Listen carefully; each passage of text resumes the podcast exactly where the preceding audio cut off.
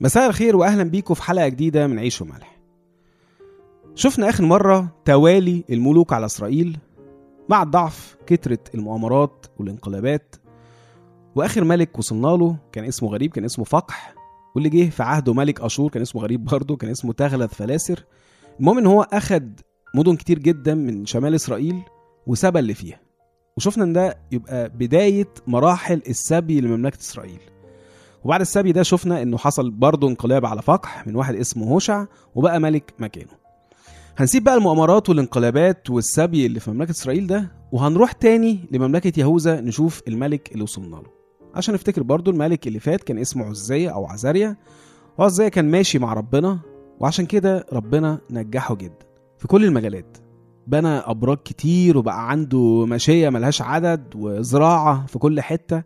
ده غير إن هو عمل جيش كبير وقوي وسلحه بأحسن أسلحة. وفوق كل ده حصن سور أورشليم بأبراج وبالمنجانيق وده يعني كان آخر الاختراعات في الوقت ده وطوره هو كمان. فكل ده خلى سمعة عزية توصل في كل حتة لحد حتى مصر اللي هي طبعا كانت من أعظم الممالك في الوقت ده. بس للأسف يقول لنا الكتاب بقى إنه لما تشدد اللي هو عزية ارتفع قلبه للهلاك. يعني اتغر وتكبر وعمل إيه بقى؟ راح الهيكل ودخله وكان عايز يبخر لربنا بدل الكهنة. طبعا الكهنة قوموه ورئيس الكهنة طرده أصلا وقال له أنت كده خنت ربنا باللي عملته ده؟ فعزية غضب جدا طبعا بس في ساعتها طلع برص على جبهته. فعزية حس بقى إنه ربنا فعلا هو اللي واقف له واخد بعضه ومشي لوحده. وفضل أبرص ومعزول باقي حياته لحد ما مات. وفي الوقت ده بقى يقول لنا الكتاب إنه ابنه يثام هو اللي بقى يحكم لحد ما مات أبوه وبقى هو الملك الرسمي. هيحصل إيه بقى مع يثام خلونا نكمل ونشوف. راديو ملاح. إحنا كنا وصلنا آخر مرة للصح ال 15 من سفر ملوك تاني عدد 31 فالمفروض هنكمل من عدد 32 لحد آه، عدد 38 هو آخر الإصحاح. بس هنقرأ نفس الحتة دي أو اللي يقابلها يعني في سفر أخبار أيام تاني إصحاح 27 عشان هنلاقي فيه تفاصيل أكتر شوية. هنقرأ من أول عدد. كان يثام ابن 25 سنة حين ملك وملك 16 سنة في أورشليم واسم أمه يروشا بنت صدوق. وعمل المستقيم في عيني الرب حسب كل ما عمل عزي أبوه إلا أنه لم يدخل هيكل الرب. يعني هو عمل كل حاجة كويسة أبوه عملها ما عدا الحاجة الوحشة اللي هو عملها إنه دخل الهيكل وكان الشعب يفسدون بعد. ولو قرينا ملوك تاني 15 هنلاقي إنه الفساد ده مش بمعنى إن هو سمح بأصنام أو بعبادات غريبة إنما إنه الشعب ما كانش بيصلي في الهيكل إنما كان بيصلي في المرتفعات. ودي كانت حاجة ربنا منعها وكان عايز كل الشعب دايما يتعبد في الهيكل عشان يكونوا كلهم بروح واحدة والناس ما تتشتتش. وبعد كده يقول لنا كده هو بنى الباب الأعلى لبيت الرب وبنى كثيرا على سور الأكمة. هو ما بناش حتت جديدة في الهيكل إنما هو يعني طورها أو جددها. وبنى مدنا في جبل يهوذا وبنى في الغابات قلعا وابراجا وهو حارب ملك بني عمون وقوي عليهم فأعطاه بني عمون في تلك السنة مئة وزن من الفضة وعشرة ألاف كر قمح وعشرة ألاف من الشعير. هذا ما أداه له بني عمون. وكذلك في السنة الثانية والثالثة. يثام يعني كان برضه ناجح زي أبوه مسيطر على الممالك اللي حواليه. يقول لنا بقى كده وتشدد يثام لأنه هيأ طرقه أمام الرب إلهي. وبقية أمور يثام وكل حروبه وطرقه. ها هي مكتوبة في سفر ملوك إسرائيل ويهوذا كان ابن 25 سنة حين ملك وملك 16 سنة في أورشليم ثم اضطجع يثام مع أبائه فدفنوه في مدينة داوود وملك أحاز ابنه عوضا عنه. وبيخلص الإصحاح على كده.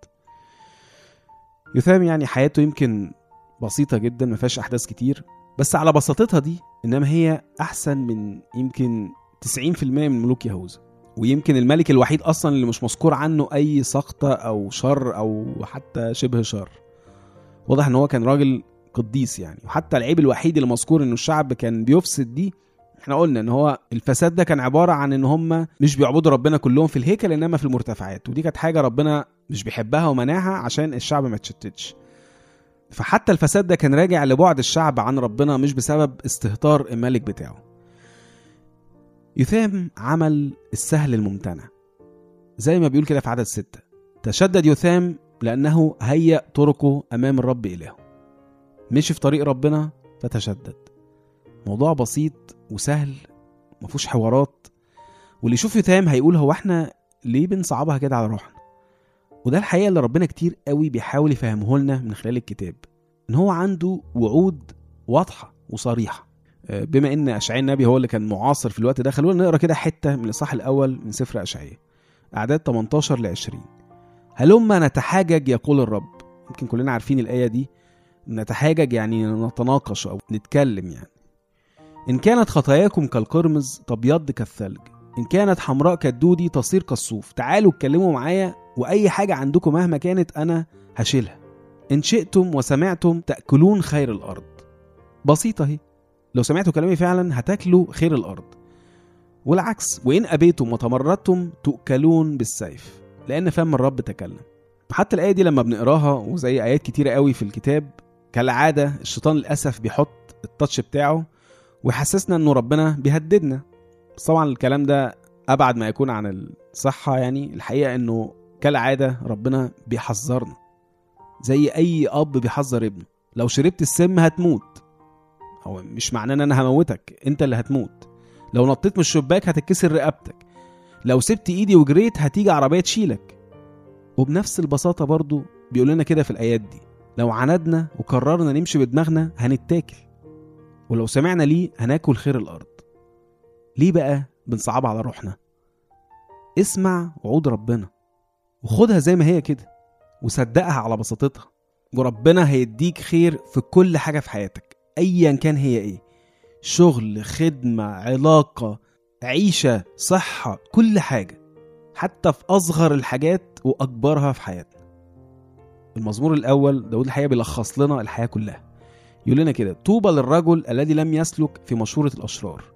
وفي طريق الخطاة لم يقف وفي مجلس المستهزئين لم يجلس. لكن في ناموس الرب مسرته وفي ناموسه يلهج نهارا وليلا. فيكون كشجرة مغروسة عند مجاري المياه التي تعطي ثمرها في أوانه وورقها لا يذبل وكل ما يصنعه ينجح. ليس كذلك الأشرار لكنهم كالعصافة التي تذريها الريح. لذلك لا تقوم الأشرار في الدين ولا الخطاة في جماعة الأبرار لأن الرب يعلم طريق الأبرار أما طريق الأشرار فتهلك. اقرأ كلمة ربنا كل يوم. وصدقها وامشي بيها وكل اللي ربنا وعدك بيه هيعمله بمنتهى البساطة. نشوفكم الحلقة الجاية. راديو ملاح.